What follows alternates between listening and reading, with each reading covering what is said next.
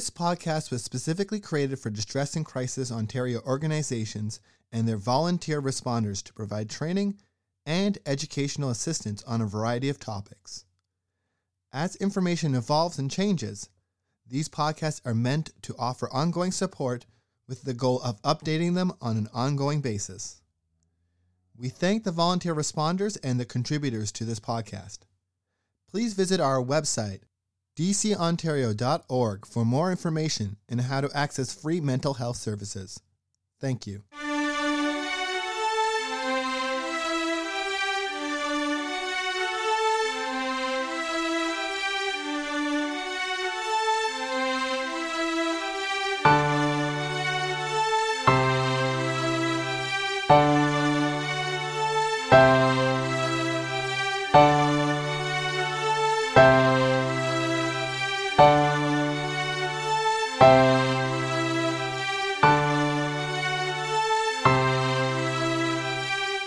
Dying, and Death During a Pandemic. Data publication April 24, 2020. This resource was written collaboratively by members of the Psychosocial and Spiritual Supports Working Group of the region of Waterloo. This resource will evolve as new information becomes available, so please be sure to check back often. If there's a specific question not explored here, please let us know by emailing info at dcontario.org. Are you experiencing sadness or grief during the stressful times of COVID 19? Is someone you care about dying or has someone recently died? Are you looking for emotional or spiritual support as you grieve? This resource is for you. This resource is divided into four sections. When we feel grief, when someone you care about is dying, after someone you care about has died, resources. Section 1 When we feel grief. Is it possible to feel grief about something other than death? Yes, for sure. Grief is an experience that you may have at any kind of loss, not just death. Some have described the COVID 19 pandemic as a psychological crisis in addition to an epidemiological crisis. People feel sorrow, anxiety, and stress, and many different kinds of loss. The loss of a job, the loss of normalcy, the loss of person to person connection, the loss of educational opportunities, the loss of control, the loss of belief in a just world, and more. All of these kinds of things can be sources of grief. Grief can be exhausting for any kind of reason, so be kind to yourself. You do not need to be alone in these feelings. Consider reaching out to a friend, neighbor, a faith leader, grief support organization, or counselor. I'm feeling sad that so many people are suffering and dying from COVID 19. How can I make sense of all this? Sadness is a natural emotional response to this stressful time. You might also feel heartache, anger, helplessness, anxiety, or a sense of loss. All of these are normal responses to human suffering. These are very hard times that may remind you of your own vulnerability, and you can experience grief as the world seems to be changing so quickly. You may want to think about ways you can nurture community even though you are not in control of these circumstances. In what ways can you make connections with others when your heart is feeling a sense of loss? As you try to make sense of COVID 19, it might help you to initiate a conversation with a trusted friend or write down your thoughts in a journal. What is anticipatory grief? Anticipatory grief can occur before the actual loss and usually happens during a long term illness where death can be anticipated or expected. During this time, people already begin to experience grief. Anticipatory grief can also arise because of the anticipation of other kinds of loss. During the COVID 19 pandemic, people have lost their jobs, people have lost their in person connection with each other, and people have lost a sense of certainty about the future. Anticipatory grief can happen when we fear that there is more loss to come. Does grief follow a specific progression of stages? No. Many people are familiar with the stages of grief, but research has shown that people's feelings are unique and fluctuate between concentrating on the loss and restoring meaning to life. These fluctuations in feelings can change minute by minute or over weeks and months. There are no stages and there is no timeline for grief. grief remains a personal journey. Section 2 When someone you care about is dying. Will someone be close to the person when they are dying? Hopefully, yes. Although the combination of physical distancing and personal protective equipment, masks and face shields, can make it more difficult, there might be more creative options. If death is very near, some institutions allow for one or two essential partners in care or designated visitors wearing appropriate protective gear who can be in the same room as the person who is dying. Even if you cannot be in the same room, you can use a cell phone, iPad, or telephone to communicate, or you may be able to visit from the other side of a window. Nurses or other care providers can deliver handwritten messages and can hold the person's hand. In many religious traditions, praying together, even while in different locations, can nurture a feeling of connection. Can someone hold the person's hand when they're dying? Hopefully, yes. Nurses, hospice workers, and other care providers are trained to offer compassionate accompaniment at the end of life. If you have been designated as an essential partner in care, who can be in the room at the very end of life, consider holding the person's hand by sliding your hand under their hand. This is gentler and allows them to lift theirs away if they wish. What does palliative care look like when so many of the regular palliative care practices are not possible? Palliative care may be delivered in a different way because of physical distancing, but the philosophy behind the care remains unchanged to relieve the suffering and to provide as much comfort, care, support to the dying and their families as possible. Even if the patient does not have COVID 19, face to face consultations with a palliative care physician may be replaced with video conferencing or telephone support to lower the risk of infection. Palliative care physicians are still providing pain and symptom management services and are prescribing or adjusting pain medications as needed. Palliative care nurses and personal support workers are taking the necessary precautions, i.e., hand hygiene protocol, wearing personal protective equipment, so that they may safely tend to the medical and physical needs at the end of life. What are some of the ways I can show my love and support from a distance? Telephone or video chat with the person who is ill. Send them words of encouragement in a card or letter that you can mail or drop off at their doorstep. Drop off a gift, e.g., artwork from their grandchildren, a CD of their favorite music, chocolates, a stuffed animal.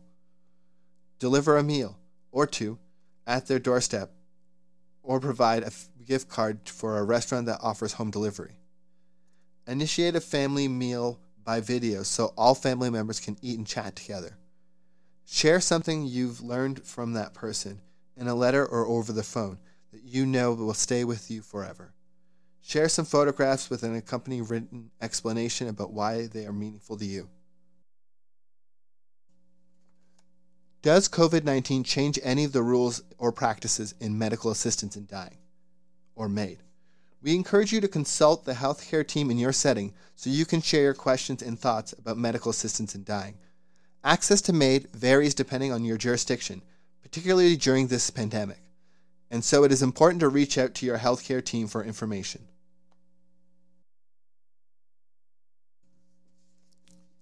Someone I care about is dying, and we can't say goodbye to each other. What do we do next? Send the person a message to their healthcare team at the hospital, who can read your message aloud or play a video. Make sure it says what needs to be said, as it may be your only opportunity. Inquire about an exception to the tightened visiting rules, and if this is not possible, ask if you can be present via webcam while they die. If the person can no longer read, speak, or hear, write a letter to them and then burn the letter. Trust that your message has been heard in some mysterious way. Connect with family and friends via webcam or on the telephone and each share what that person meant to you. Reminisce, share stories, support each other, and send your loving thoughts and prayers to the dying person. What if the person I care about is dying of something other than COVID 19? If we know for sure that they don't have COVID 19, can we be close to them? Consult with the healthcare team, but know that physical distancing requires significant limitations on in person visiting, regardless of who does and who doesn't have COVID 19. In a spirit of openness and respect, explore the visiting limitations in a particular setting and work with staff on options. I've always had an image of being surrounded by my family and friends when I die. Because of physical distancing, what kind of deathbed situation can I imagine now? Many palliative patients who are dying of a condition that is not COVID 19 can still have a home death, surrounded by family care providers and healthcare professionals. If you live with family members, they will be able to be present at your home death. You and your family will be supported in your home by members of the community healthcare team e.g., nurse, personal support worker, physician. However, other members of your extended family who do not live with you unfortunately may not be able to enter your home and be with you when you die. This is to protect your care providers and your healthcare team from inadvertently being infected with COVID 19 virus.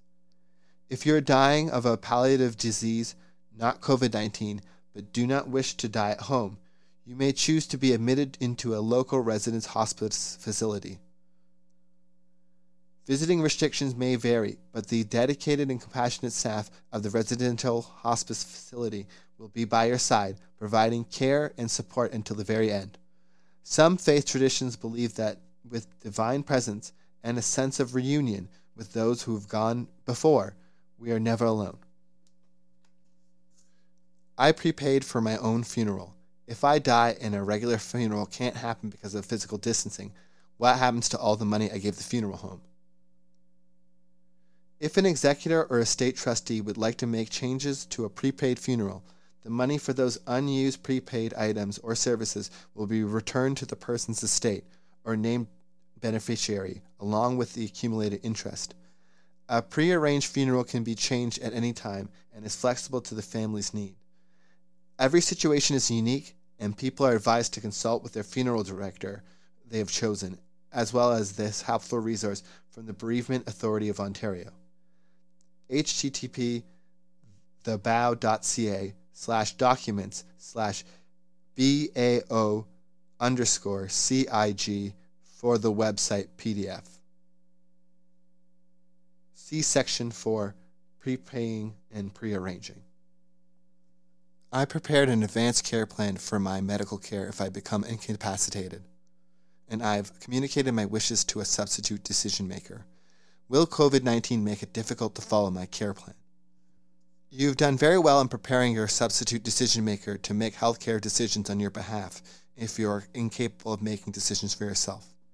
Your thoughtfulness in having the conversation with the substitute decision maker, including telling them about your wishes, your values, and your hopes, will be a great service and comfort to them as they work with the healthcare team in order to make decisions on your behalf. Section 3 After someone you cared about has died.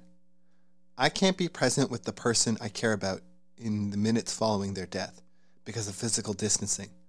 Is there some other way I can feel connected with them? Those who accompany the dying sometimes talk about the importance of spending as much time with the deceased as feels needed. During a pandemic, this can be difficult, or even impossible. If death is near and you anticipate wanting to maintain a connection with the person after death, consider one of the following options. A well laundered prayer shawl can be dropped off with instructions that it be placed on the deceased at the time of death.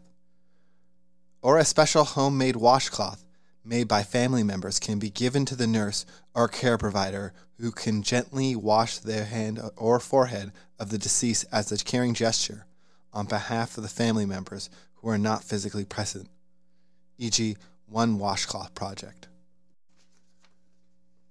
What are some important things to keep in mind for the time immediately following death? As of mid April 2020, there are new rules for the hours following someone's death, regardless if the death is related to COVID 19.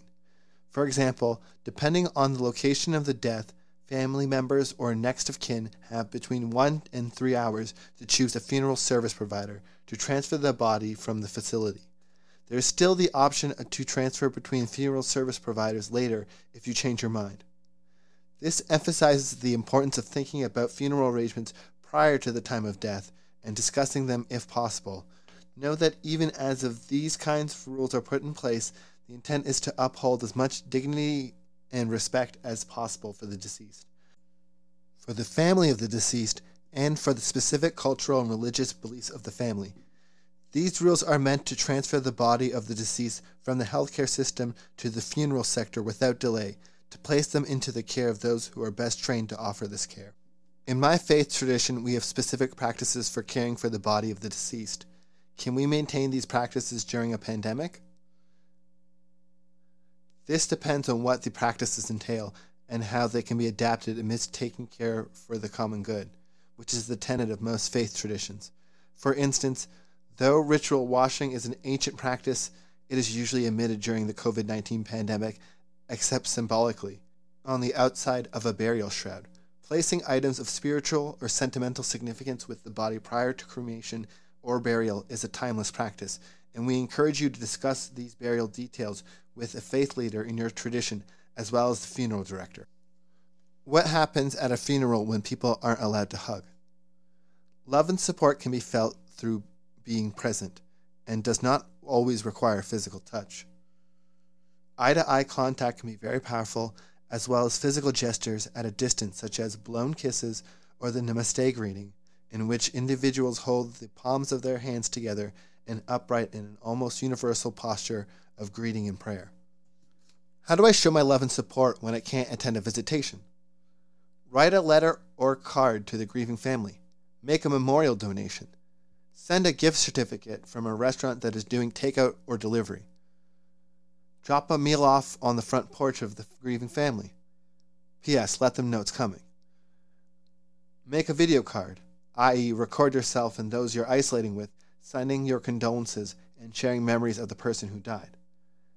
Ask if it's possible to attend virtually, perhaps with a family member who can use their smartphone to facilitate a brief video conference conversation with a few family members during the visitation. Someone I know chose to organize a home based funeral. Is this still possible during COVID 19?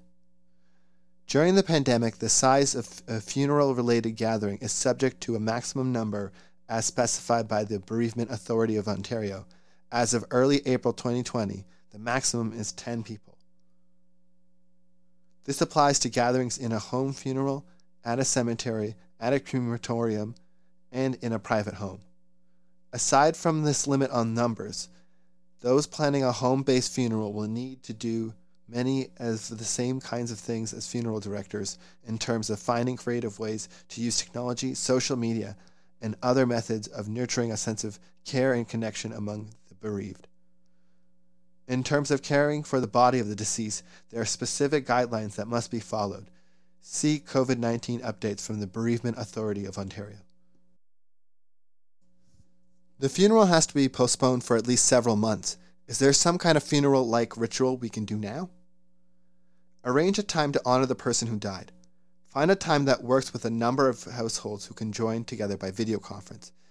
This is a way to initiate your own at home funeral before the scheduled funeral happens in the future. Choose songs, poems, and readings that reflect the person's life. Wear nice clothes, do your hair, have a program agenda, make it as realistic as possible.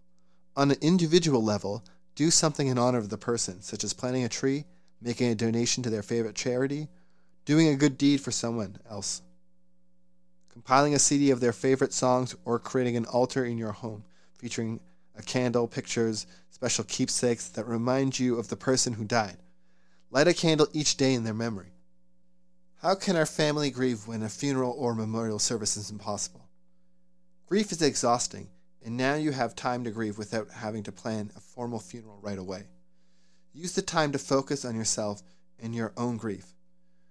Grieving takes time and looks different for everyone. What works for one person may not work for other members of the same family Journal, read, look through photo albums, go on walks, find what works for you to process your grief. Practice self care and connect with the person who has died in a new way. As painful and as sad as it is to experience the death of someone, keep lines of communication open with others who are also grieving. Talking can help you and make you feel less alone. Remember that everyone grieves differently, and that's okay. It has been said that grieving is a journey, not a destination. Know that everyone needs a professional help in, in grief, but these are unusual times. Ask yourself, what do I need right now? If you feel you need it, consider reaching out to a faith leader, spiritual caregiver, or counselor, many of whom are available by phone or through video technology. After the person died, I started meeting with a counselor that really helped. Now I'm supposed to do counseling over the phone or computer, but I find that very awkward. Are there any other options? Unfortunately, at the time, phone and virtual support is the safest both for you and your counselor. Give it a chance, at least two to three sessions, knowing that new things usually feel awkward until we get used to them. Eventually, you'll be able to meet face to face again.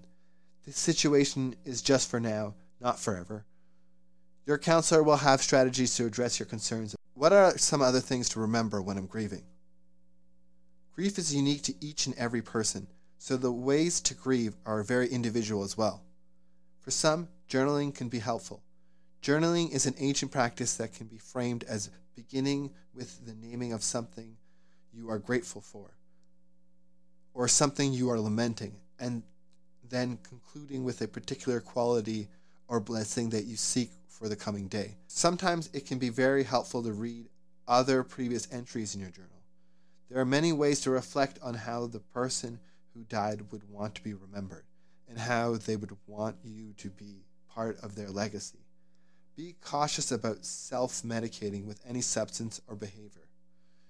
You will benefit on your grief journey from maintaining good patterns of sleep, nutrition, and physical fitness. How do I grieve when I can't attend a funeral or memorial service?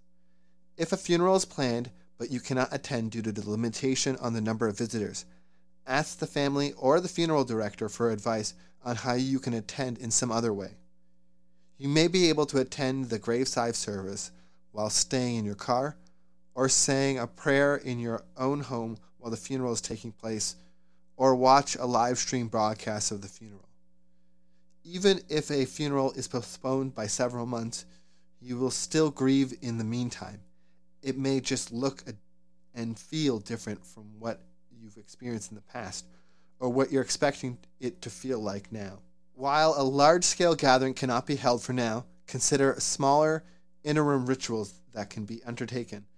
Consider talking on the phone with a family member or friend, accessing an online grief support resource, or arranging for phone check ins with a faith leader, spiritual caregiver, or counselor. Thank you. Hi, I'm Damien one of the editors of the DCO Learning Forums podcast. Over the past year, we've been busy converting our Learning Forums series of videos into podcasts and thinking of new ways to continue delivering new and more in depth content. We've seen the demand, and we're announcing our move to Pinecast and our new tip jar function. Please consider going to tips.pinecast.com slash jar slash distress and crisis Ontario and donating and in return, we'll be recording new follow up episodes on some of our most popular topics. These will be accessible for tippers only and will help pay for travel, web hosting, etc. For the interim, you'll still be able to access existing content on both on both the Pinecast and Fireside feeds for free, but eventually we'll be making the switch to Pinecast. Thank you for your understanding.